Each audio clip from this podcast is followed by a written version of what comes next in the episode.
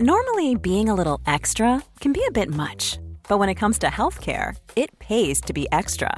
And United Healthcare makes it easy with Health Protector Guard fixed indemnity insurance plans. Underwritten by Golden Rule Insurance Company, they supplement your primary plan, helping you manage out of pocket costs without the usual requirements and restrictions like deductibles and enrollment periods. So when it comes to covering your medical bills, you can feel good about being a little extra. Visit uh1.com to find the Health Protector Guard plan for you. Quality sleep is essential. That's why the Sleep Number Smart Bed is designed for your ever evolving sleep needs. Need a bed that's firmer or softer on either side? Helps you sleep at a comfortable temperature? Sleep Number Smart Beds let you individualize your comfort so you sleep better together. JD Power ranks Sleep Number number 1 in customer satisfaction with mattresses purchased in-store. And now save 40% on the Sleep Number limited edition Smart Bed for a limited time. For JD Power 2023 award information, visit jdpower.com/awards. Only at Sleep Number stores or sleepnumber.com.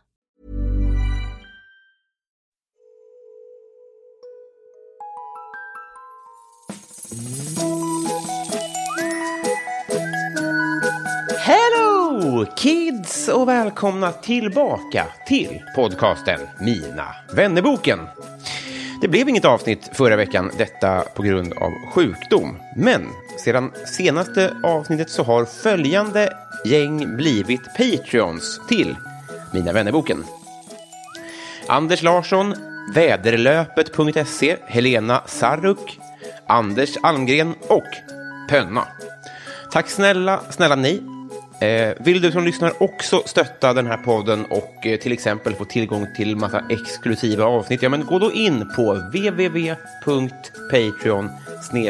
mina vannerboken. Veckans gäst, hörni, en av de mest önskade genom åren. Och superkul att det ens gick till att eh, få till den här eh, lilla podden mellan inspelningen av hennes baram, kommande sketchserie på SVT och en jävla mastodontdokumentär som jag i och för sig glömde fråga om, men den kommer ju troligtvis också någon gång här. En otroligt rolig och talangfull människa detta. Låter som Karin Sollenberg också på rösten, Kommer jag på efteråt. Det spelar ju mindre roll naturligtvis. Eh, svinkul, allt sammans, hur som helst. 149 sidan i Mina vännerboken Charlotta Beyoncé Björk.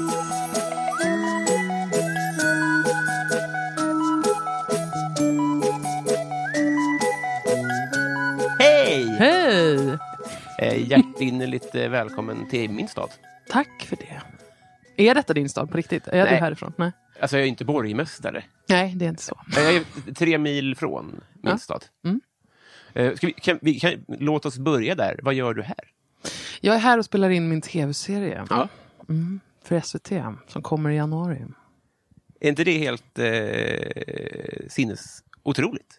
Det är sinnesotroligt. Ja. Det är det definitivt. Jag äh, fattar nog inte Nej. vad jag gör just nu. Men eh, det är kul. För du sa i hissen här att eh, du har tvättat håret. Det har jag gjort. För att dagarna ända så har du peruker då.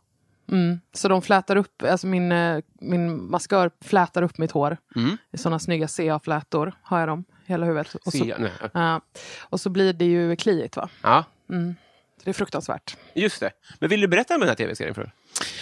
Ja, alltså vad ska jag säga? Det är ju liksom en eh, produkt av två och ett halvt års arbete med olika pilotinspelningar och eh, tjafs. Och sen så till slut så fick vi eh, ja på att göra en sketchserie. 15 minuters sex episoder.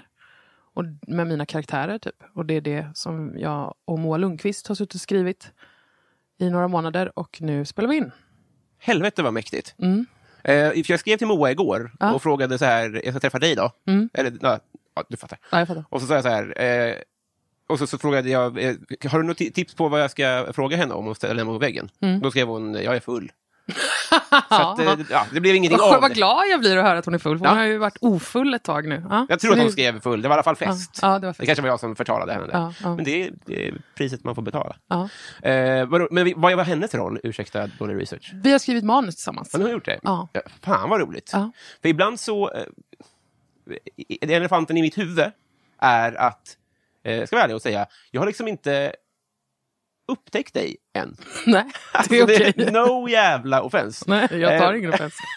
I'm, I'm non-offended. Nej, och sen så, så eh, blev det ju eh, skarpt läge här där jag insåg att nu är det nog dags. Mm. Så det blev ju min natt då eh, och är eh, stormförtjust. Mm, det, är inte, det är inte det att du inte är min eh, tekopp, men det är ingen som har kommit fram och sagt drick den här tekoppen. Nej, jag fattar. Ja, Eh, det är ju alldeles eh, ljuvligt det du gör.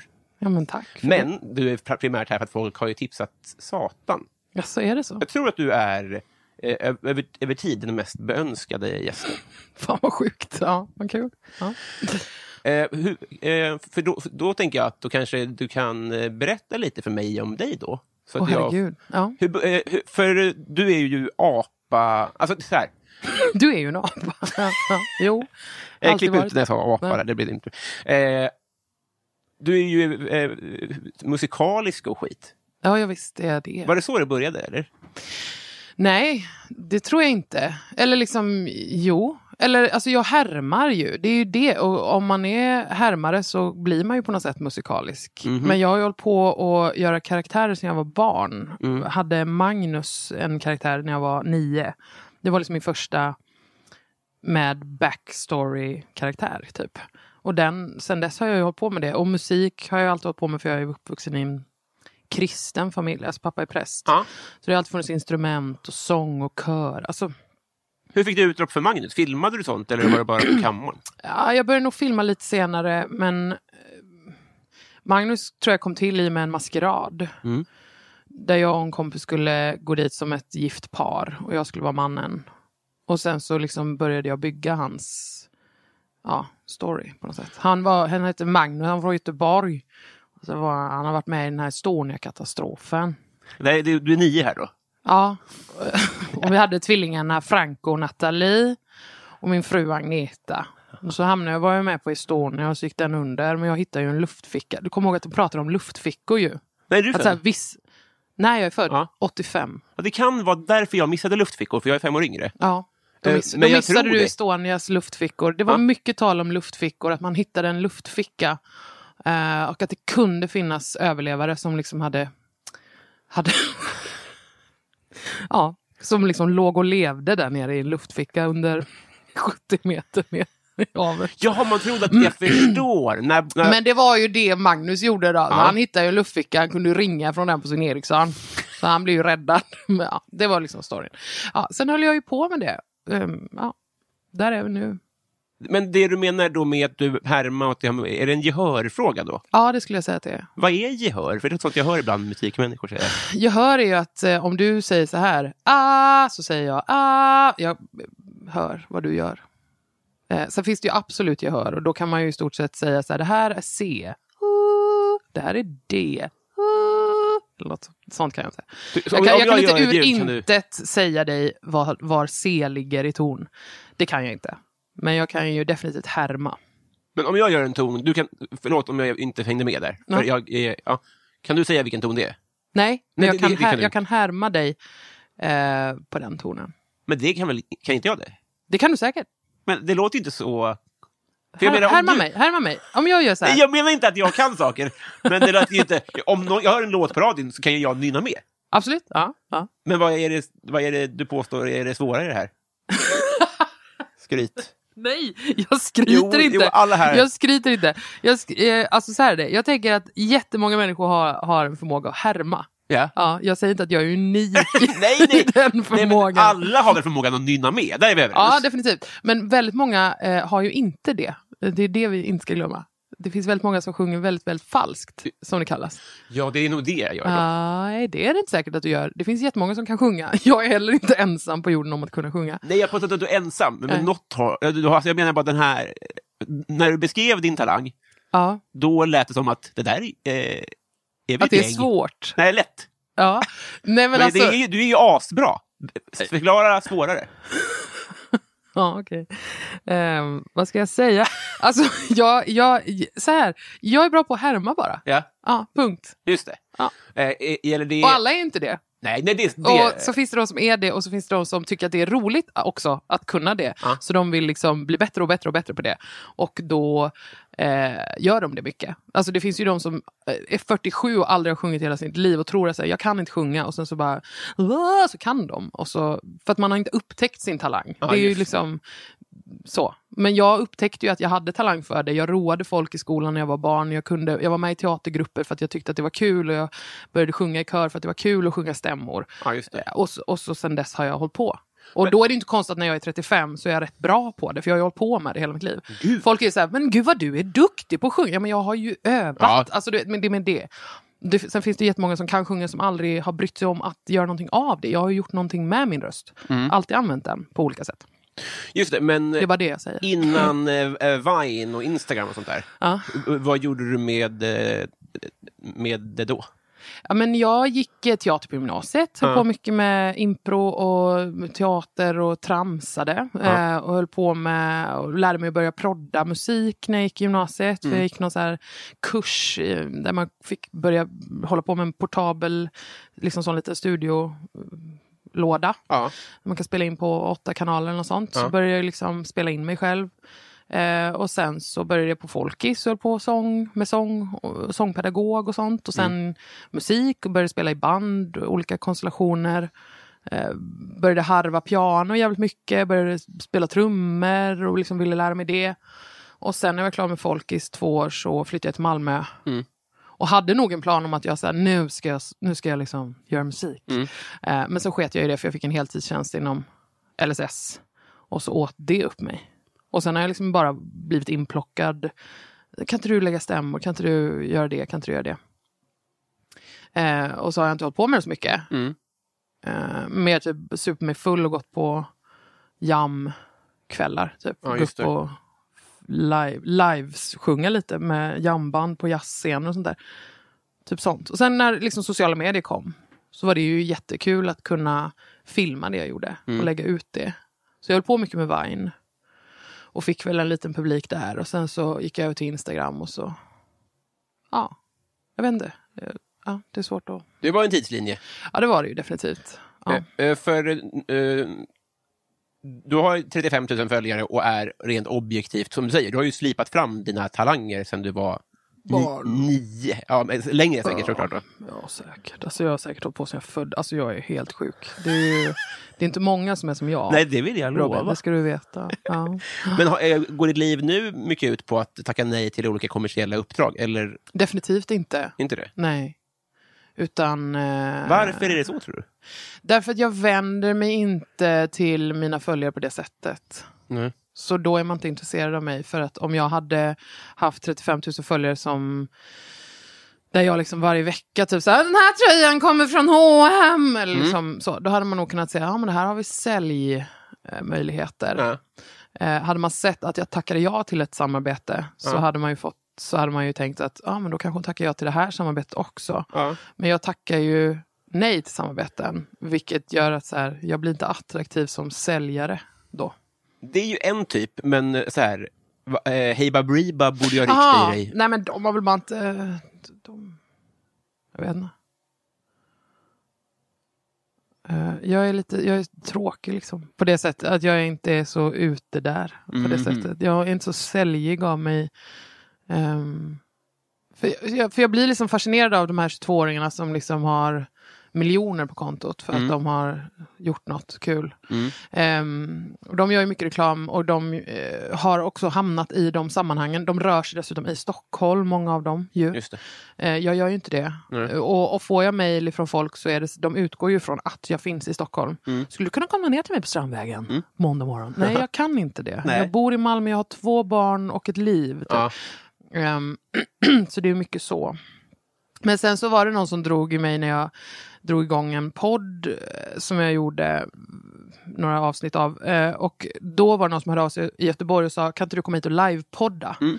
Och eh, strax dessförinnan hade Elvira Lander eh, i Malmö, Mm. komiker, bett mig... gäst här.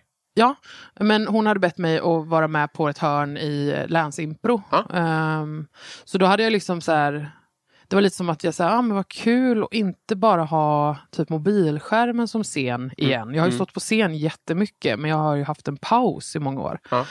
Ehm, och då hade jag väl återupptäckt hur kul det är och, och sen så fick jag frågan om att, att göra den här livepodden och då sa jag ja till Ja. det. För en gångs skull. Typ att Ja. så här, inte bara, mm, jag vet inte. Nej. Vi får se hur jag mår då. Det har varit ångest och det. Så då gjorde jag det och efter det började det rulla igång. Men nu lät det som att du är lite av en no man ändå. Vad betyder det? Alltså motsatsen till yes man. Att så här, jag säger ja för att se vart livet... Nej, det är jag definitivt inte. Nej. Jag är otroligt trygghetsknarkare och Mm. vill absolut inte gå utanför min egen comfort zone. Eh, så sån är jag. Mm. Så jag har sagt nej till jättemycket saker. Men sen sa jag ja. Jag bestämde mig för att säga ja när någon ringde mig och sa hej jag ska pitcha in dig på SVT, du ska ha en egen serie Ja. för två och ett halvt år sedan. Då sa jag ja till Ja. det. Gör det. Fine med mig. Jag, jag hakar på. Eh, och sen hörde Göteborg av sig och sa hej kan inte du komma hit och livepodda? Jo det kan jag väl då. Och sen när jag hade gjort den grejen i Göteborg då skulle jag göra en till grej i Göteborg för då hade jag blivit ombedd att komma dit till ett bla bla bla och sen så kom någon producent och sa hej vi vill producera din liveshow och så helt plötsligt så hade jag, ja men förstår du så att det var liksom som att hade jag sagt ja genom livet så hade jag kanske hållit på med detta för tio år sedan också. Ja, men jag har ju sagt rätt mycket nej. Ja. Eh, eh, jag hörde intervju med dig eh, och det, det låter kanske som en tramsfråga. Mm. Eh, men jag ändå fnular ändå lite på den. För du sa att du inte får något näthat. Nej, det får jag inte. Alltså I'm such a lucky girl. Men det är ju intressant. Alltså. Ja, men det är för att jag är en tönt. Tror jag. Aha. Alltså jag är inte så out there. Jag är rätt diplomatisk när det kommer till sociala medier. För jag har inte tid att hantera näthat. Mm. Det är liksom en strategi tror jag. Att jag lägger mig liksom någonstans. Jag är inte så kontroversiell liksom, Nej. i hur jag rör mig på sociala medier. Är du kontroversiell eller skriver du folk på näsan med om du inte tycker som jag så är du dum i huvudet. Ja. Och så, då får du ju hat givetvis. Jag vet, men du är ändå tje- tjej Ja det är jag. med öppet konto Ja. eh, och du har en, så här, kanske inte agenda, men du är ändå ganska politisk. Ja. Ja. Jävlar vad du duckat den kulan. Ja. Duktig, kan du inte lära folk? För det vore bra om fler Nej men alltså jag säger det. Det enda jag har gjort är att jag håller mig, jag håller mig så här. Ja. Ja, på en linje. Ja. Så, om, så fort jag går utanför den, Ja. då kommer det så här, men, men vad fan, varför säger du så om dem? Ja. Då kommer det ju, då börjar det rulla in och så kommer det dickpics och så kommer det liksom du är ful och du är fet och sådana grejer. Men så länge jag liksom bara håller mig så här, typ, liksom, det jag vill göra på internet är ju, jag har definitivt en politisk agenda men den, den, eh, den är jag inte så uttrycksfull kring längre. Den får liksom tala genom mitt arbete istället eller genom det jag gör. Bara genom att jag gör det jag gör Ja. eh, så, så är det ju på något sätt en politisk akt på något sätt. Ja. Ehm, så jag har liksom bara slutat att vara så jävla... Därför att jag har inte tid med det. Det Nej. är, liksom den enkla, alltså det är den absoluta enklaste sanningen. Jag har inte tid att hantera hat. Nej. Jag har typ inte ens tid att hantera diskussioner. Jag, och jag är heller inte intresserad av det. Jag försökte hantera och jag försökte vara eh, mer politisk, uttalat politisk förr. Ehm, men det det leder till är ju ingenting. Nej. Det, leder alltså det enda som är produkten av det är att jag har fått säga vad jag tycker. Men det leder ingen vart. Nej. En diskussion på ett socialt på, på Instagram leder ingenstans. Nej. Så, så vad ska jag, den är inte konstruktiv. Nej. Då har jag hellre en sån diskussion med dig eller med någon annan. Men det jag köper jag, men om priset... Alltså jag, jag menar inte att det är så. Jag är noll politisk, så jag ska inte här, sitta och berätta om hur det är. Mm. Men att eh, eh, om du så att säga inte är politisk för att du inte har tid att moderera hat och hot. Mm. Eh, kuvar det inte dig då att göra det du hade velat göra om det inte hade funnits hat och hot? Nej, för att jag bryr mig verkligen inte längre. Okej. Alltså jag var mycket mer ängslig kring hur jag uttryckte mig när jag uttryckte mig. Ja. Eh, nu när jag inte längre liksom först sätter en, en label om att så här, nu är jag politisk, Mm. så kan jag ju vara politisk. För jag kan också säga, jag kan, jag, jag, kan jag kan lägga in det i allt jag gör. Mm. Ehm, och då är jag nöjd. Ja. Jag får fortfarande ur mig vad jag tycker. Ja. Jag har inte hämmat mig, jag har snarare blivit mycket mer uttalad. Ja. Det är bara att jag inte skriver typ debattartiklar. För jag Just känner det. inte att jag behöver vara aktivist. Vi har tillräckligt många aktivister. Mm. Jag har inget behov av att vara en av dem.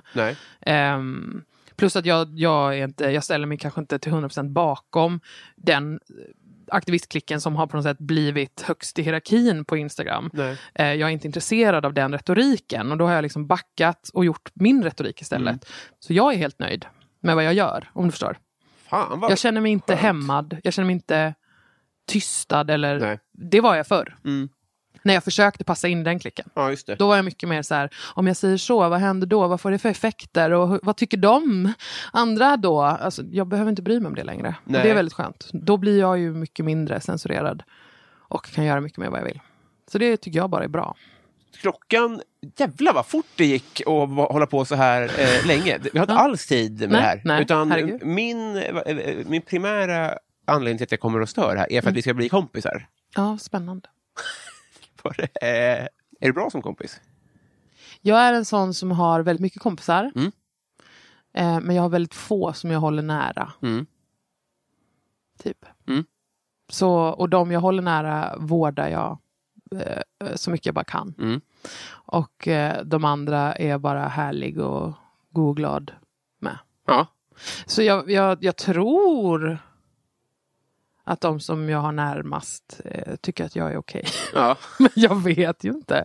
Jag önskar, alltså sen är, liksom just nu är jag inne i en period där jag är otroligt frånvarande. Mm. Ehm, precis innan du kom så ringde en kompis som jag inte har träffat på jätte- jättelänge. Och bara, jag vill bara höra att du lever, typ. Mm. Och då inser jag att gud, jag har inte, jag har inte hört av mig till den här personen. Alltså, för att jag har varit så in, uppe i detta Mm. ett tag. Eh, och så corona. Mm. Låt oss inte förglömma det. Nej, det ska vi icke. Utan det är ju existerande, det är ju en pågående pandemi. Nej. Förstår du? Och då träffar man inte folk så mycket. Nej. Men jag tror jag är en okej kompis. Hoppas att jag är det. Det låter som att jag fått börja med att sikta på det stora gänget kanske då. Ja, gör det. Du får sikta på vad du vill. Vad fint. Mm, du har... Jag tror på transparens. Det gör du? Mm. Ja. Jag kommer att dra i eh, av, tråden av jingel här. Mm. Och så kommer vi åka in i vänskapens förlovade land. Kul för oss. Jättekul för oss. Framåt!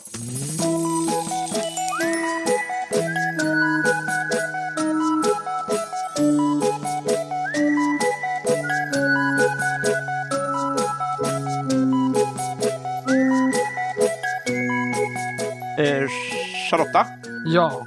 eh, stilförebild. Oj, oj, oj. Åh gud, jag hatar ju sådana här frågor. Varför har jag sagt ja till det här? Nej men ärligt talat. Det är eh, stilförebild. Åh, men det- du menar klädstil? Om man får, får tolka fritt. Ja men... Alltså jag har ju... Jag har ju... Men gud, jag vill gråta. Nej, men- Nej men alltså den första som kom upp i mitt huvud är Zac Galifianakis. det är liksom... Ja. Var kom han ifrån? Men han har ju en stil, kanske inte just kläder, fast jag älskar hans kläder också. Mm. Men alltså hans stil. Mm. Alltså när han ställer upp intervjuer så älskar jag honom mer än livet självt. Eh, Jag älskar honom jätte, jättemycket. Så han, han är nog lite stilförebild. Jävlar Att inte riktigt ge med sig av vad är jag och vad är persona. Ja. Jag gillar det. Jag vill ligga i det limbot också. Jag vill Ja. inte att alla ska fatta så här, nu är det Charlotta privat eller nu är det persona. Utan så här, jag är lite limbolandet. Det tycker jag om. Jävlar, eh, bra att veta. Mm. Eh, vad hade du för affischer på väggarna? När? Tolka fritt. Först var det Spice Girls Mm. mycket. Eh, och eh, alltså okej-tidningar. No doubt var jag ju besatt Mm. av eh, 90-tal. Nu snackar vi 90-tal. Visst var de svin, eh, några där? Kommer inte det fram sen? Säkert. Ja. Men det var inget man brydde sig om när man var 12. Nej, gud nej.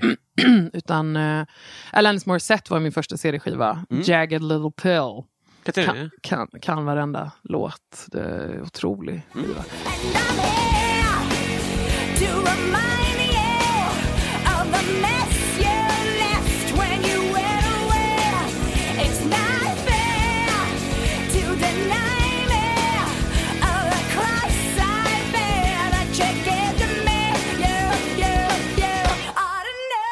Nej men, eh, nej men så de var det mycket. Sen gled jag ju in i eh, punkens land. Mhm. Men även Marilyn Manson land. Mm. Så då, var det, då skrev jag liksom, det var när man hade börjat hänga på internet. Mm. Så här, när, vad gick jag i? Fyran, femman, sexan kanske. Mm. Och började printa ut så här, på dåliga långsamma skrivare. Som skrev ut bilder på Marilyn Manson. Som jag satte upp och täckte väggarna med.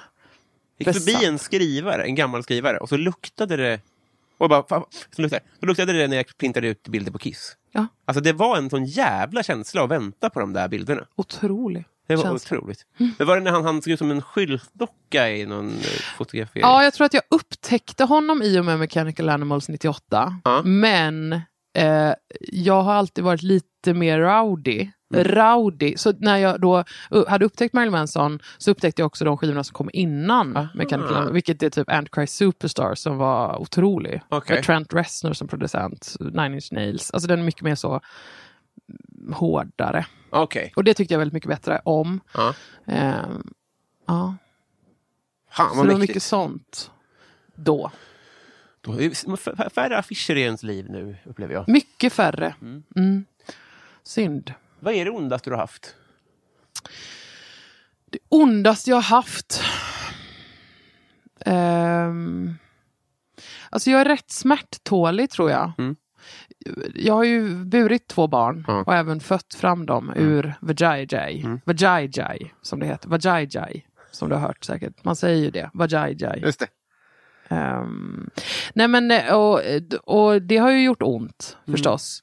Men, men när man får det beskrivet för sig av andra som genomgått det, innan man själv har gått igenom det, så, beskriv, har de, så beskrev de det som att här, du kommer vilja dö. Mm. Du kommer tänka att du är död.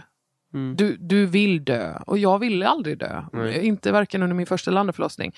Så jag tyckte att det var... Smärta är ju väldigt mycket upplevelse. Mm. Mm.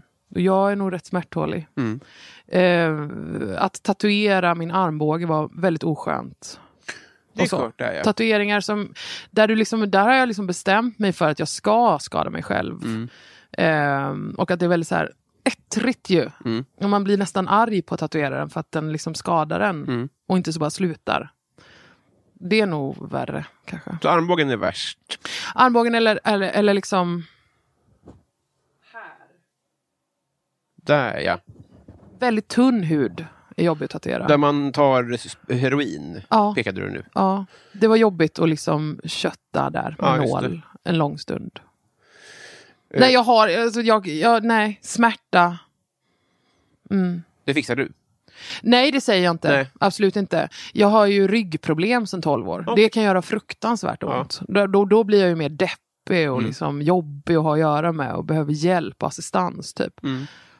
Ehm, så jag, jag, nej, jag vet inte. Men, men jag tror att så här, för att jag har äh, den sorten, det jag vill komma till är bara att smärta är individuellt. Mm. Det är inte så att alla upplever den sortens smärta likadant. Ehm, utan för mig kanske smärta är, det kopplas samman med andra saker. Mm. Sen ren och skär smärta, typ så här, skar mig i armen eller fingret, det gjorde ont. Alltså, jag vet, nej, ta bort den, denna fråga bara. Mm. Den, var, den var jobbig. Eh, jag, jag har... Vem är Sveriges roligaste? Alltså jag skulle vilja säga Dilan och Moa. Mm. De är ju en och samma för mig. Nej jag skojar bara. De är, nej, men alltså, de är otroliga. Mm. Jag tycker verkligen det. Jag, jag har få i Sverige som jag tycker är intensivt roliga. Ja. Ehm, men de tycker jag är intensivt roliga. Ja. Även Elvira. Ja. Eh, när vi kör impro. Så dör jag ju. Ja, gå och Av titta på det. beund- beundran. Ja, de är otroliga. Otroliga, tycker jag. Mm. Jag har alltid eh, lena fötter. Vad har du haft kroppslig tur med? Roligt att ta upp det med fötter, men ja. Eh, ja. Kroppslig tur. Alltså jag, jag har nog inte haft så mycket kroppslig tur. Ehm, nej men alltså ja, absolut. Eh, jag är också jättelen hud. Ja. Du ser. Ja, du ser. Nej, jag vet inte. Ja. Det är Otroligt svår fråga. Svåra frågor du ställer. Ja. Vi tar den här då, partytrick. Alltså nu, jag... Dricka jävligt mycket sprit Mm. är ju coolt att kunna. Mm. Jag får i mig rätt mycket. Mm. Eh, men liksom så här om det är att jag börjar med något, något trick. Eh, jag vet att jag när jag var yngre Mm. eh, och hade upptäckt armhävningar. Mm. Då kunde jag börja hålla på och visa att jag kunde göra armhävningar. Mm. Men jag har ju aldrig varit bra på att göra armhävningar. Nej. Så det, det var ju aldrig så att jag vann. Om jag drog igång, typ, nu ska vi göra armhävningar du och jag. Mm. Ska jag visa vad jag går för? Så förlorade jag ju alltid. Så jag vet liksom inte om det var... Alltså jag kan typ göra tre på knäna. Alltså Ja. förstår du, det är liksom, jag är värdelös. Jag förstår inte alls varför det Ja, för blev... tävlingen drogs igång. Nej men liksom vad hände? Men ja, jag vet inte. Bryta arm är inte heller speciellt bra. Ehm, Men det här med sprit, ja. eh, är, det, är din eh, talang där, om man säger att du får i dig mycket sprit, Mm. är det att du får i dig mycket utan att spy, eller blir du inte bakis? Eller förstår jag menar? Var... Jag tycker inte om dina följdfrågor heller. Det är inte det, nej. Eh, nej, alltså eh, nej, jag har nog fan inga partytrick. Jag tycker bara att vi lägger oss där. Mm. Ehm, Det respekterar vi här på redaktionen. tack. Eh, paradrätt. Mackor. Mm. Mm. Fan vad härligt. Ja, och vänner säger ju att du borde öppna ett mackställe. Är det så? Ja, för att jag är, jag är cray när det kommer till mackor. Ja. Alltså. Jag är inte riktigt som man ska. Jag tycker liksom inte att en macka är en bit bröd med smörost. Det är Nej. inte en macka, det är ett skämt. Ja. Ju. Så utan det ska vara mycket grejer på. Mm. Och det ska, vara, det ska kännas rikt. Man ska känna sig rik när man plockar i ordning sin macka. Ja. Så mycket, en, en buffé av saker. Kladdiga saker, torra saker, krispiga saker, mjuka saker. Många saker. Och så bygger du ett, ett berg. Och sen ska du ändå bygga den så pass perfekt så att du kan få in allt i käften. ja. Men det, det, det är lock och botten också. Nej, inte lock. Inte lock, nej. lock är fel. Ja. Utan det är öppen macka. Det är öppen plan. Mm. Eh, Nu går vi tillbaka till eh, eh, internetdebuten här. Mm. Vad var det första du laddade ner? Laddade ner. Mm. Du menar typ Pir- Pirate Bay och sånt? Ja. Jag har fan aldrig laddat ner. Nej. För att jag är så en jävla eh, laglydig människa. Okej. Så jag har alltid varit rädd för att åka fast för Menar saker. det, alltså? Ja, otroligt rädd. Ja. För, för eh, liksom, vad heter det? Makten, ordningsmakten. Ja. Så jag har aldrig... Den långa armen. Ja, fruktansvärt. Eh, nej, men eh, nej, jag kan inte minnas att jag har laddat ner någonting. Jag har bett andra ladda ner. Mm. Ungefär som att jag bad andra att snatta åt mig för att jag inte vågade snatta själv. Det är nästan värre. Det är otroligt äckligt Ja. att behöva berätta om detta. Men det är helt sant. Jag är en tönt. Det är det Ja. jag säger. Ja, 100 procent. Men okej, så, så då, för jag minns det ju som, nu är jag fem år yngre än dig, Mm. men att det laddades ner. Ja. Eh, och det var inte så att du gick och köpte skivor då, utan du bad en kompis med snabbdator. Nej, alltså jag, nej där, det har du rätt i. Jag har mer varit sån att jag vill ha hela skiten. Mm. Alltså brända skivor har ju aldrig varit, det har aldrig haft någonting på att ha ett konvolut Nej. och texthäfte och liksom sitta och läsa och eh, ja, men du vet, photos och bilder och så. Ja. Jag vill ju ha hela skivan. Så jag För lyrics på... och grejer fick man ju ofta med. Och, Alltså, det fick man. men I konvolutet, tänker jag.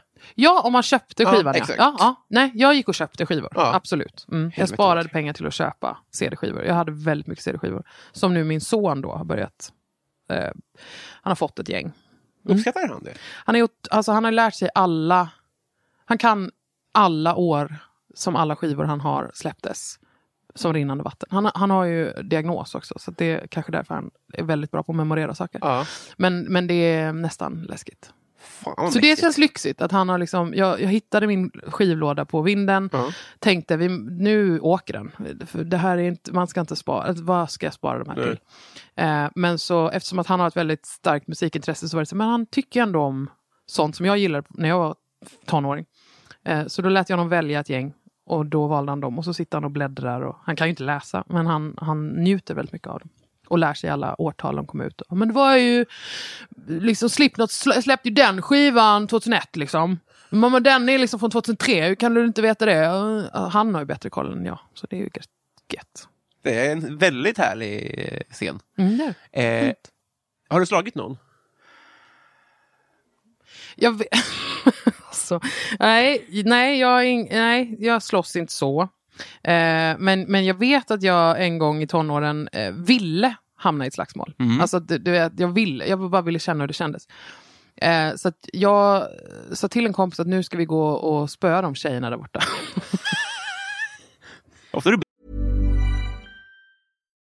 Millions of people have lost weight with personalized plans from Noom, like Evan, who can't stand salads and still lost 50 pounds.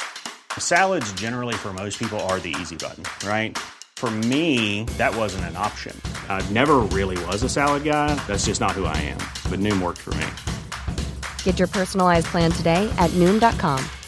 Real Noom user compensated to provide their story. In four weeks, the typical Noom user can expect to lose one to two pounds per week. Individual results may vary.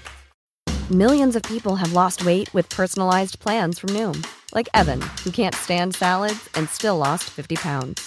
Salads, generally, for most people, are the easy button, right? For me, that wasn't an option. I never really was a salad guy. That's just not who I am. But Noom worked for me.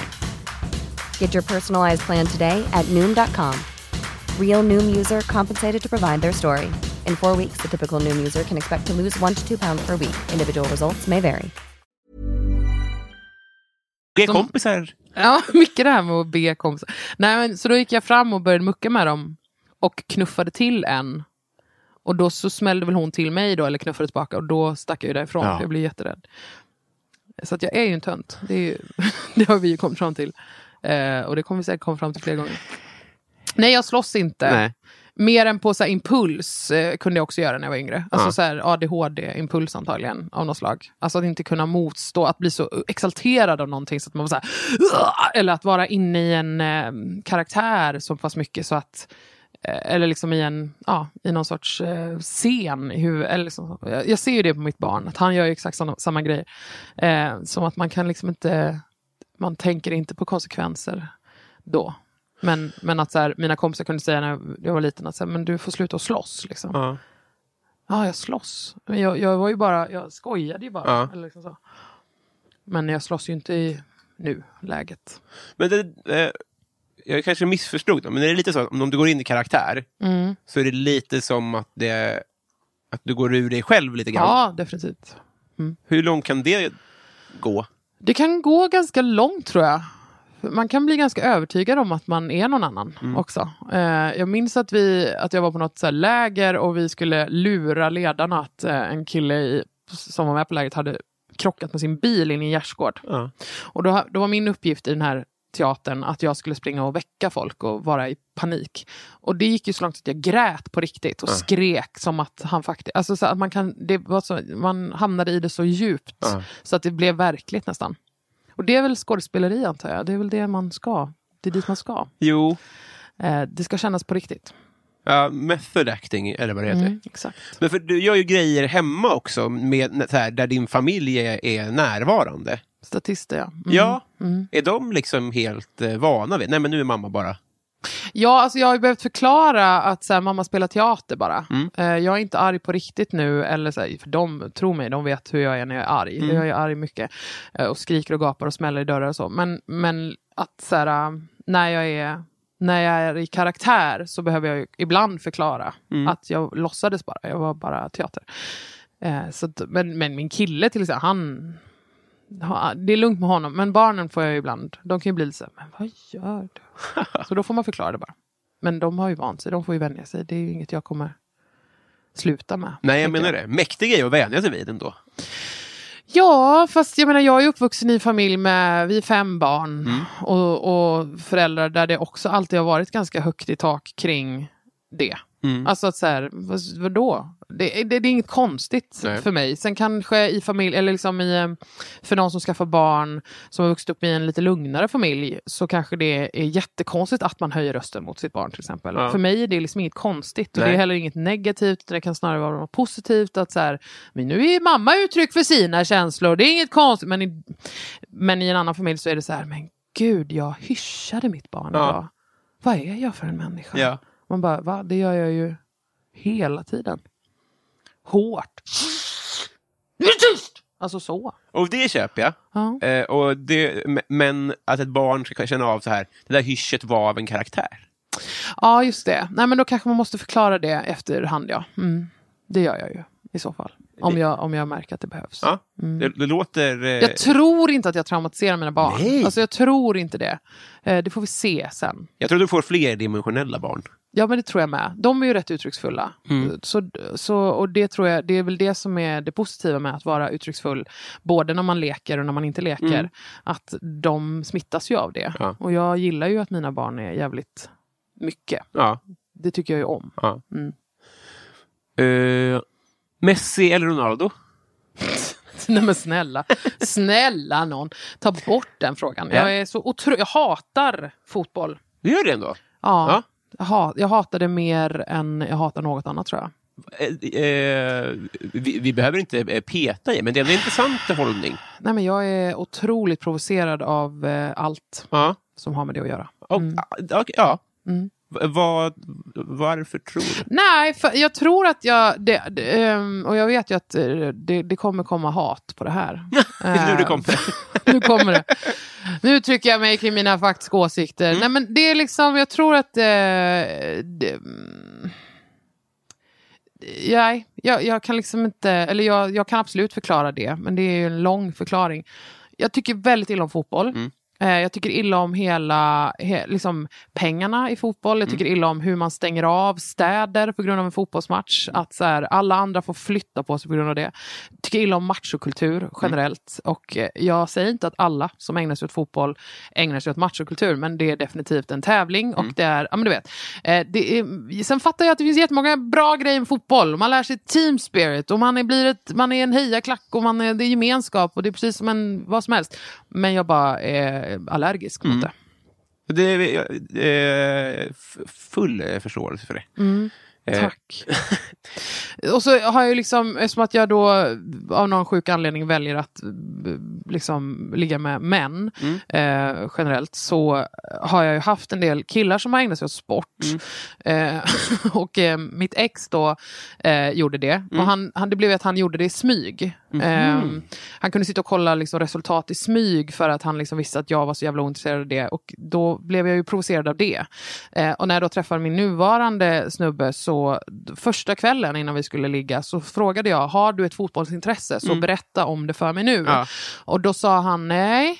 Alltså inte mer än, jag hejar ju på Liverpool. Ja. Ja, okej. Så att jag kollar på de matcherna. Ja, okej. Och Så var det ju inte. Nej. Utan han är ju jätteintresserad av fotboll. Och är det ett litet EM eller ett litet VM så tittar man ju på det. Ja. Och jag tycker liksom att, också tror jag att jag har jobbat i sammanhang där fotbollsmatcher har stått på. Ja. Och ljudet av fotbollsmatcher Ja. på tv är det vidrigaste vi har. Det är liksom så äckligt ljud. Det pågår. Det på, pågår. Det är liksom, mm. Jag har nog blivit traumatiserad av fotboll. Så att det är liksom, jag, så tycker jag om fotboll. Ehm, Så nu lever jag med en man som konsumerar fotboll.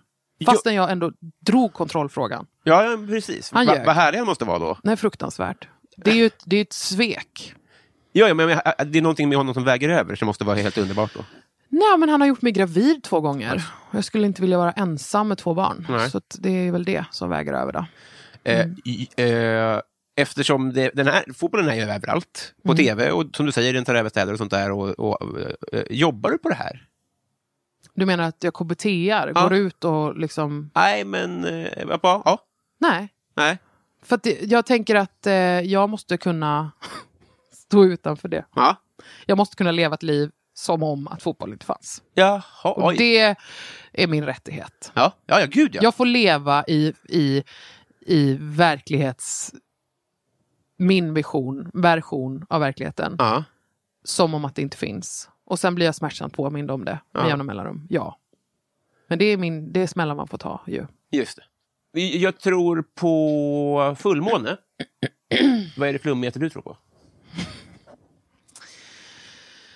Jag tror typ att eh, vi är... Eh, när jag sätter på foliehatten, den kan hoppa av och på rätt mycket. Jag är liksom inte spirituell direkt eller eh, troende.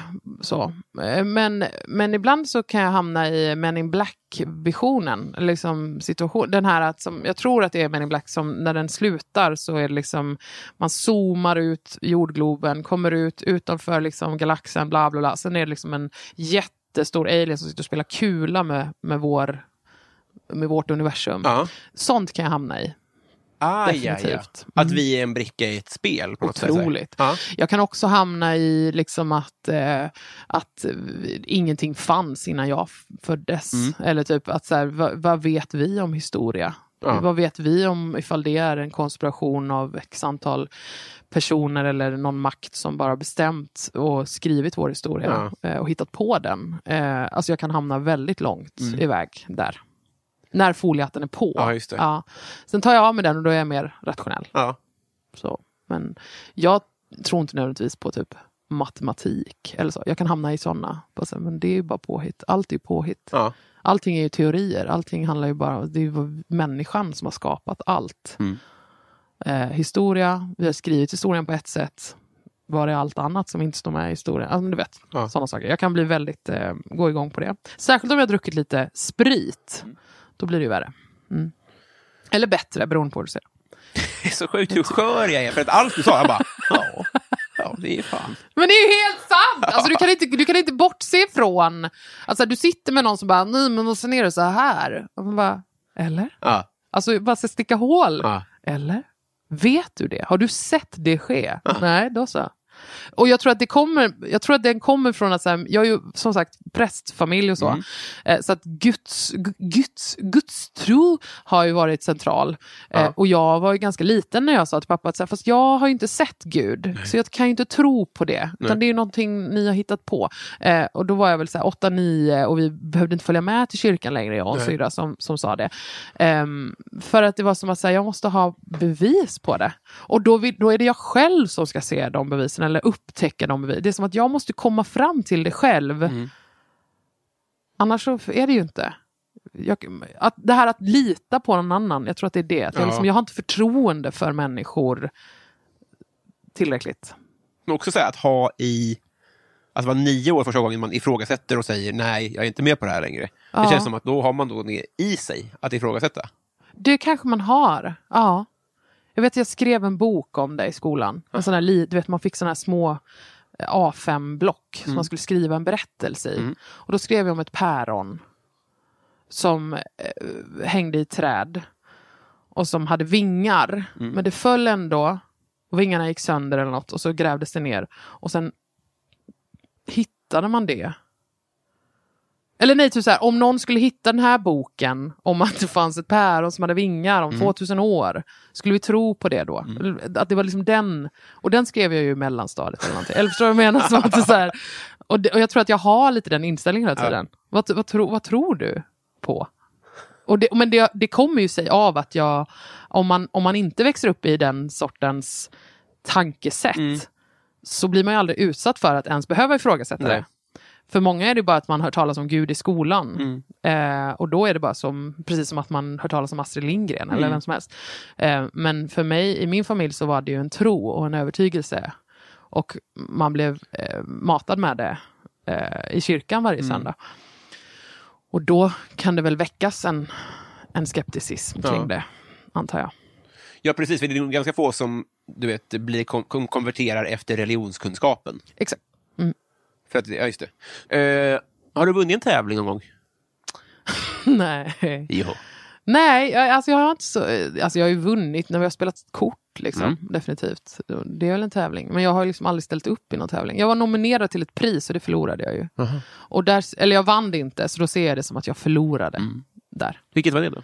Eh, det var årets webbhumor på Barncancergalans svenska humorpriset. Jaha, Ja. mäktigt ändå. ja, det var mäktigt. Det är kul. Förlåt för dålig research. Ja, du har inte gjort någon som helst, så det är okej. Ja. Men, eh, nej, men jag förlorade ju där. Ja. Definitivt förlorade jag. Det blir fler eh, cancergalor. Säkert. Har du varit i Rom med alpin? Vänta lite. Vad sa du? Har du varit i Rom med alpin? Jag vet inte ens vad du säger, jag hör ingenting. Det är eh, en, eh, en alpin skidort utanför Nej. Borlänge. Alla är det. Nej. Man var ofta där med skolan om man bodde i Stockholm. Det är därför ofta som folk har varit där. Så. Nej, jag är uppvuxen i Småland, så nej. Just det. Mm. Var i Småland? Nybro. Jaha. Min sambo är från Älmhult. Oj då, det är min med. Är det sant? Mm. Otroligt. Hur gammal är din sambo? Eh, född 95. Oj, gammal. Hur- Eller ung. Hur gammal ung. är din sambo? Eh, 40. Född 80. Född Det är- Född 40. Så att han går ju in på 80 nu. Eh, alltid varit en Nicole, Anna Nicole i hjärtat. Just det. Mm. Nej, men, eh, nej, men han är ju född 80. Så att det, och han är inte från Älmhult, men han har gått där på gymnasiet. Skitsam, vi släpper det. Vi släpper Mm. det. Jag har aldrig varit i Rom alpin eller vad du säger. Jag har ingen aning om vad du pratar om. Nu har det blivit dags för Patreon-frågorna. Åh herregud. Nu är det eh, de, de rare lyssnarna Mm. som har frågor. Mm. Och eh, vi, vi kör helt enkelt. Mm, varsågod. Adam Grenabo, han undrar, vad är det snällaste som du har gjort mot någon eller någon har gjort mot dig? Ja, men det är ju en fråga nästan. Det är liksom ett, ett sva- svaret kommer ju om jag väljer att ta upp något snällt jag själv har gjort. Eller om jag väljer något som Jag någon annan vet, har gjort mot men- mig. Fruktansvärd klämma här. Eh, för det första som kommer upp för mig är ju något snällt jag själv har gjort. Mm. Eh, för jag är otroligt självcentrerad. Så det är väl helt rimligt Mm. att det är det. Jag kan liksom inte... Nej men folk gör ju snälla saker för mig hela tiden. I den här produktionen är ju folk snälla he, mot mig hela tiden. Hur, har du, det? Hur mår dina fötter? Behöver du något? Vill du ha vatten? Alltså Mm. det, sånt tycker jag ju är otroligt snällt. Att man bara blir tänkt på. Mm. Men, men eh, jag, jag vill ändå briljera Mm. med den här fantastiska från i somras. Då gjorde jag något jävligt snällt Mm. mot ett barn. Och jag gillar liksom inte barn. Nej. Så att det är ändå ganska snällt av mig Mm. då, att sträcka mig så långt. Ja, vi var på Öland, på en strand. En blåsig dag. Jag, hade, jag, jag fick syn på en, en sån här flytgrej. En sån man ligger och flyter på, typ som en vad heter det, madrass. på långt, långt bort på stranden ser jag en, en förälder som börjar kasta sig ut i havet efter en sån som börjar blåsa utåt från stranden. Och jag står liksom på andra, i andra hörnet av stranden så att den blåser ju min riktning. Jag ser att det här är en sån dyr sak. Och för mig är ju pengar viktigt. Alltså dyra saker ska man ta hand om. Jag ser att det här är en sån dyr grej, typ en sån fatboy. Vet du vilka de är? Ja, just det. Ja. Mm. Så har man också gjort någon som heter typ Slimboy eller något. De är lite mindre. Så Ja. man liksom drar in luft i. Ja, det blir jättelångsökt. Skitsamma. Ja. Jag tänker att den här gubben som är ute och jagar den kommer aldrig få tag i den. Nej. Jag ser ett barn, 8, 9, 10, gråter som att hon vill dö. För att hon, Det är hennes. Mm. Det är synd om henne. Jag kastar mig iväg. Inklusive ryggskott. Springer på stenstrand. Springer ut på stenhäll, alltså stenblock längs en pir. Den är precis att jag kan fånga den. Men sen tar vinden tag i den och drar den åt rätt ut andra hållet. Rakt ut på öppet vatten. Mm. Vad gör jag då? Jag ger upp. Det är vad den normala skulle ha gjort. Ja. Men jag ser en man komma i en liten båt. En, en, en till man, inte simmare. En annan man herregud. kommer i en motorbåt. Jag springer till honom. Alltså då vill jag ändå lägga in, jag springer inte. Nej. Det är inte vad jag gör. Jag springer till honom och säger En lila flytgrej där ute. Mm. Du behöver köra ut och hämta den. Han säger Jag gör det. Han bränner iväg på sin båt. ut på öppna havet. Tar grejen, kommer in med den till land och säger eh, något i stil med att ja, ja, ja, precis innan du slängde ut mig så hade jag varit ute och hjälpt en kille men han har tappat sin motor. Så att jag, jag är igång liksom. Eh, och sen så kommer då den här stackars... Ja, däremellan, medan han är ute och hämtar, springer jag för att jaga den här pappan. De har ju börjat gå till bilen och så här, nu kör vi. Jaha, oj, vi oj, oj. ger upp, vi släpper det. Ja. Eh, då jagar jag fatt den här pappan och säger, jag har en kille med båt som är på väg att hämta hennes grej. Ja. Är inte det otroligt? Och dottern var ju otroligt tacksam. Hon grät ju av tacksamhet. Och sen när jag kom tillbaka upp på stranden så säger olika människor så här, var det en människa i den? Jag bara, nej. Nej men varför? så- Nej men jag menar om, jag, om det var min grej. Ja. Så hade jag ju blivit jätteglad om någon hade försökt ta den. Mm. Det var som att man kunde inte förstå. Att, varför gav du dig sån jävel på att du skulle ha tagit den där jäveln? Men det var något som, det var som att Jesus kom in i mig. Ja. Jag skulle frälsa det här barnet. Jag ville att hon skulle vara lycklig. Hon skulle ha glada minnen från Öland, Ja. inte liksom trauma. Mm. Fan, det är nog det mäktigt. största jag har gjort. ja. Men jag hade nog varit en av de så här, överlevde barnet på Fatboyen? Eftersom du har kallat in sjöräddningen. Nej men alltså det var ju ingen där. Det var ju bara en jävla fatboy eller vad de heter. Det var bara det. Men den är ju värd säkert 1700 spänn. ja, och ja. Jag menar man slänger inte det i sjön. Nej. Nej. Nej, men fan vad mäktigt. Ja, jag tycker ändå att den är värd att berättas. Det är Svenska Hjältargalan och Cancergalan nästa år. Exakt. Förväntar mig en nominering. Ja. Eh, Desi Hetala, hon undrar, om man inte har en sån här podd, hur blir man då din kompis? Ja, alltså man ger mig en fatboy helt enkelt. Det har jag alltid velat ha. De är dyra. Ja. Då, ja, det var ju väldigt Så Desi, du kan skicka det till mig. Jag vet vem Desi är dessutom. Så Ja. att, eh, ja, vi har träffats på någon stand-up. Så hon kan skicka det till mig. Det ska hon göra. Mm, tack. Eh, mitt fel undrar favoritlåt med Linda Bengtzing. Ja du, ja du. Ehm, är det hon som gör När hon går förbi då tystnar musiken. Den är bra. Otrolig. Du gjorde den väldigt eh, rättvis. Men de sjunger ju så. Johan Dykhoff undrar, vad får dig att känna dig inte vuxen? Kanske något du borde ha lärt dig vid det här laget? När jag dricker alkohol. Eller när jag bara är så här själv, alltså så här, när jag liksom tycker synd om mig själv över saker som är typ rimliga att behöva göra när man är vuxen. Mm. Typ stiga upp på morgonen eller ta hand om sina barn som man har satt till världen. Så här, men gud, vad ska jag behöva? Ja. Då känner jag mig rätt barnslig. Liksom. ja. Eh, eh, jag kom på en fråga. Eh, kan du sätta upp en hylla? Ja, jag är ju definitivt den praktiskt lagda i familjen. Mm. Det är ju jag som gör sånt. Eller så ringer jag min pappa. Mm. Han är bättre på borr Ja. än jag. Jag har aldrig riktigt lärt mig borr. Nej. Mest för att jag inte vet vad det är för material i väggarna. Så det är en dröm som jag ska lära mig. Jag, ska, jag vill kunna ta hand om mig själv, Mm. borra upp saker själv. Men jag är lat, otroligt lat och bekväm. Så då är det skönare att använda sin pappa till det man kan använda honom till. Och det är till exempel att borra upp en hylla. Mm. Så det gör jag ofta. Då blir det att man ses också. Ja, absolut. Vi tar oss... Eh, David Sundin. Han undrar om du bara fick äta en pizza för resten av livet. Ja. Alltså för det första vit pizza. Mm. Ej röd. Nej. Eh, det finns en otroligt god med eh, alltså svamp. Alltså svamp, vit svamppizza. Mm. Tror jag.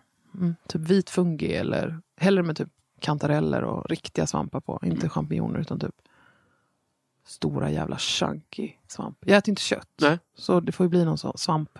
Vit svamppizza. Ja, det fan vad härligt.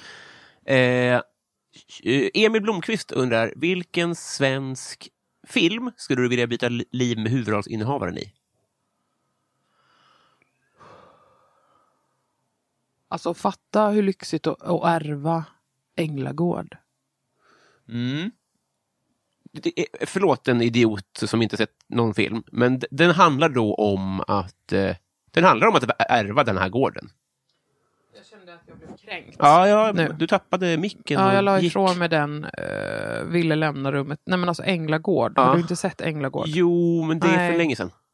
Den handlar ju om en tjej som ärver en uh, jättestor, eh, liksom, en jättestort hus Ja. på landet. Och så är hon liksom från stan och hon har en kompis och de har en motorcykel och de är lite så rock'n'roll och så kommer de till en liten by på landet och Mm. så tycker folk att de är lite konstiga. Och Lite så, alltså, det är drömmen. Jag hade lätt kunnat byta med Helena Bergqvist eller Rickard Wolff Ja. i den filmen, absolut. För det är en, det är en, det är en arvstvist. Det är någon annan som också vill ha det, va? Ja, det är ju någon så här, men vi var ihop. Jag borde ha ärvt den. Fy fan att han har testamenterat den till dig. Ja. Typ så. Just det. Mm. Någon kvinna, alltså hon är ju otrolig också. Jag kommer inte alls ihåg vad hon heter. Nej. Eh, det kan du googla. Ja, det ska bli. Men eh, den är otrolig. ju. Det, ja, jag tittar inte så mycket på svenskt. Men, jag, men då, när den kom, Mm. så såg man ju den. Och därför har den väl satt sig kvar. Mm, ett hus skulle jag vilja ärva av någon. Mm. Plötsligt, från ingenstans. Mm. Lyx. Du Lyxigt. vet att eh, eh, Gardell, eller Mark Levengood fick det? Jaså? Att det var en rik gubbe som bara, jag har inga, jag har inga barn. Jag vill att du ska få mitt. Så de bor typ i det huset nu. Herregud. Det är så jävla filmiskt. Ja, men det är därför jag tänker att jag skulle bli kändis. Mm. Så jag kan ärva det av någon för att någon tycker typ att jag har gjort något bra. Mm. En bra film eller något. Ja, chansen ökar ju verkligen om, om folk, om man är kändis. Exakt. Victor Bysell, han undrar favoritlåt just nu. Eh, The Battle med Aldous Harding är ofta den jag sätter på när jag vaknar på morgonen.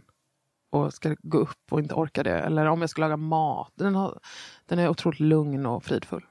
Vi drar, vi drar ber, eh, vi klipper på lite, lite av den. Ja, The Barrel med Aldous Harding.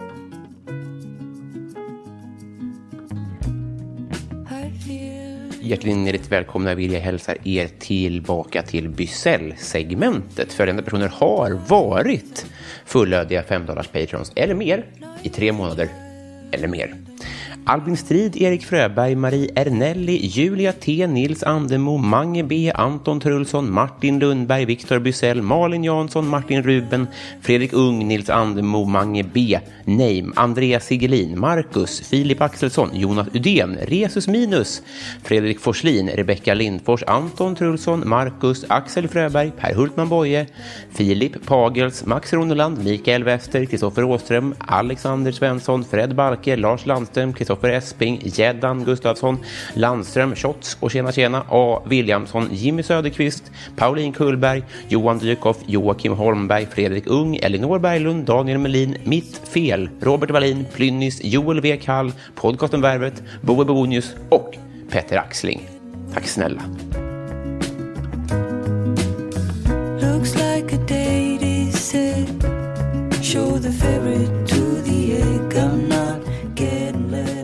Underbart. Vilket eh, härligt eh, gung. Den är fin. Så säg. Eh, Plynnis, hon undrar vad känner du för Felicia Jackson? Alltså jag har inte, jag vet att Felicia Jackson existerar. Mm. Eh, det är en stand-up-komiker va? Jag har aldrig sett Felicia Jackson in action. Eh, jag är glad att hon håller på. Det gör mig glad att veta. Att många, alltså jag blir glad för varje tjej som håller på med stand-up. Mm. Men jag eh, har aldrig sett henne göra något. Så jag vet ju inte alls hur bra hon är. Om tillfället dyker upp så rekommenderar jag det varmt. Det vill jag jättegärna. Har Absolut. du varit i stand-up-tankar? Alltså jag har varit på ett par standup-scener och kört men jag... eh, Det är som att jag, jag, jag kan inte lite, riktigt så här... Jag har för mycket respekt för formen standup tror jag. Så jag vågar liksom inte säga att jag gör standup för jag gör något annat. typ. Jag håller på mycket, alltså jag kombinerar det med musik och jag skriver liksom inte ihop olika skämt och så. eh, med poänger utan jag har, jag, så jag vågar inte säga... Jag tycker det är en otroligt jobbig situation att vara i. Eh, läskigt. Just för att då har det gått upp folk innan mig som verkligen gör regelrätt stand-up. Och så kommer jag upp efteråt och är så här... Lite, känner mig underdogig liksom. Jag fattar. Men i de tillfällen då du har gjort det, eh, hur, hur har ditt skilt dig? Har det varit musik och sånt eller? Ja, då brukar jag liksom, jag spelar och sjunger och pratar. Mm. Så det är liksom, ja, ja, lite så blir det ju. Alltså folk skrattar ju. Mm. Så att om man ska gå till eh, om man ska gå till beskrivningen av stand-up, typ en person går upp på en scen och underhåller en publik med en mick, typ, Ja. så är det väl det jag gör. Mm. Men jag, jag har också otroligt stor respekt för konstformen, om du förstår. Mm. Och då blir jag rädd att, att säga att jag har gjort stand-up. För Mm. att stand-up verkar vara rätt mycket regelverk. Eh, när man pratar med ruttade stand-up-komiker Mm. om det. Eh, då är liksom det jag gör något annat. Mm. Eh, då kan man inte kalla det för stand-up. För att jag står ju inte upp, jag sitter ner. Eller liksom, förstår du? Det är så här, jag gör något annat. Men, men eh, jag... Ja, det verkar vara en hård, hård miljö. Ja, när du säger det, så här, jag är säkert en del av problemet mycket, men det är så himla ofta som folk skapar de här typen av reglerna för att det ska för reglernas skull. Att man, ska, man måste leva upp till vissa regler för att få kalla sig saker. Mm. Jag hör en intervju med dig där du pratar om att du inte kallar dig konstnär av den anledningen också. Mm. Att det är ett jävla elitism i allting Det är det som folk definitivt. sysslar med. Och jag, och jag har heller typ, jag har egentligen inga behov att ha en titel. Nej. Förstår du? Det är liksom, för jag gör allt. Jag Mm. gör musik och jag proddar. Jag tycker jättemycket om att jobba bakom kameran. Jag tycker om att jobba framför. Jag tycker om att vara på en scen. Jag tycker om att inte vara på en scen. Jag tycker liksom om alltihopa. Mm. Och jag, jag kan eh, hantera det mesta. Mm. Eh, men jag har inte be- behov egentligen av att säga, jag är sångerska. Nej. Även om folk när de säger så här, men gud vad du kan, du kan ju sjunga. Ja, för att jag är sångerska. Mm. Alltså, då kommer jag fram till att säga, fast det är ju för att jag sjunger, eller jag, jag kan ju sjunga. Ja. Sen är jag inte utbildad Nej. sångerska. Jag är inte utbildad konstnär. Jag är inte utbildad på olika saker. Men ja, det, är- det är en jävla... Det är ett jävla meck. Ja, jag menar det. Mm. Men nu, nu kanske jag lägger ord i mun här, det vet jag inte. Men eh, du sa att du har gjort lite standup-gig, Mm. men att du kanske inte gör det så mycket för att du har för respekt för konstformen. Tolkar jag rätt då? Nej, nu var det en jättekonstig frågeställning. Ställ den igen, eller säg den igen. Ja, men att du inte gör så mycket standup och att du också sa att du, eh, du inte vill kalla dig komiker för att Eh, du har för, att, fan, Att jag har för mycket respekt för konstformen. Ja, men kanske. Ja, alltså sen, sen får vi inte glömma pandemin. Eh, jag hade ju eh, stand-up-gig inplanerade. Jag skulle vara på Oslipat två kvällar, jag skulle köra eh, egen show, alltså humorshow, liksom på scen. Då är det väl... Jag är ju, jag är ju på en sce- scenkomiker då. Eller liksom, för att jag, jag, mitt syfte är ju att underhålla Ja. och att få folk att skratta och säga saker på ett sätt som får folk att tycka att det är kul. Ja. Ehm, men det är väl att jag har någon bild av stand-up-komiker som att man liksom sitter hemma och liksom eh, skriver ihop eh, eller tänker ut vad man ska säga. Och jag håller ju mer på med impro. Och jag kanske har kanske ett ord med mig upp på scen och så liksom utgår jag från det. Eller att jag improviserar en låt i stunden. Eller att jag in, i interaktion med publiken kommer fram till vad jag ska göra i de där 20 minuterna eller 5 minuterna eller vad det nu är. Ehm, och i det menar jag att så här, jag har för mycket respekt för de som faktiskt här, jobbar fram sin rutin. För jag är mer av någon som bara går upp och kör. Eh, och då vill jag inte kanske kalla mig för standup-komiker ehm, ja, av den anledningen. Ja, jag fattar. Jag vill inte, det är som att jag vill inte trampa dem på tårna. Nej. Förstår du? Ja, jag förstår känslan, men Ja. du har objektivt fel, tycker ja, jag. Ja, ja. alltså, jag tycker att du är eh, mer standup-komiker än vad många som kallar sig standup-komiker. Ja, det, är, det är möjligt. Jag, jag tycker jättemycket om att vara på en scen Ja. och eh, underhålla människor. Punkt. Helvete vad härligt. Kalla mig stand-up-komiker om du vill. Ja, det ska bli. Kommer du skriva det i beskrivningen. Ja, tack. Eh, fan, det här är inte sant. Vi har blivit kompisar. Har vi det? Jajamän. Kommer du ringa mig imorgon och fråga hur jag mår? Eh, Sannolikt ej. nej. Nej. Då tycker inte jag att vi är kompisar. då ringer jag imorgon. Ja. Jag förväntar mig det. Ja, Mm. det lovar Ja. jag, jag, jag, sa nej för att jag inte ville störa. Men får jag ringa imorgon och kolla läget så gör jag det med Ja, glädje. ja. Framförallt om det, inte, om det är en dealbreaker för att... Eh, Vi ska vara kompisar. Exakt. Ja, nej, men jag tycker att kompisar det är de som bryr sig om hur någon mår. Det In, gör inte jag. bara som använder sig av typ nej men jag känner Håkan Hellström. Så att, eh, nej men vi har jobbat ihop, eh, vi är polare nu. Så att, eh, ja men vet du hur han mår på riktigt? Nej. Fan Är ni alltså. kompisar eller är ni inte kompisar? nej men det är min bild av det hela, men absolut. Ja. Eh, eh, jag, jag, jag får se om jag ringer. Du får se om du svarar antar jag. Exakt. Det är väl snarare det det hänger på. Mm. Eh, vill du göra reklam för något? Tipsa om något eller så? Se min tv-serie Ja. när den kommer. För jag vill så himla gärna få göra en säsong två. Mm. Eh, för att det är ju det när man för första gången gör något så har man ingen aning om vad man gör. Nej. Och jag skulle vilja, det är lite som att jag har skaffat två barn för att jag skulle vilja veta hur man gör. Och det vet jag ju med tvåan. Visste jag hade ingen aning med ettan. Det är så lite grann. Ja. Så jag skulle så gärna vilja göra det igen. Mm. Mycket bättre. När är det vi ska titta då? Ja, men eh, det finns ju inga datum, det är det som är synd. Men den ska ut i, liksom, i början av året, typ januari, Mm. eh, är det sagt. Fan vad mäktigt. Ja. Grattis igen. Tack så mycket. Och eh, hjärtinnerligt tack för att du tog dig tid. Ja, det var så roligt så. Hej då! Hej då!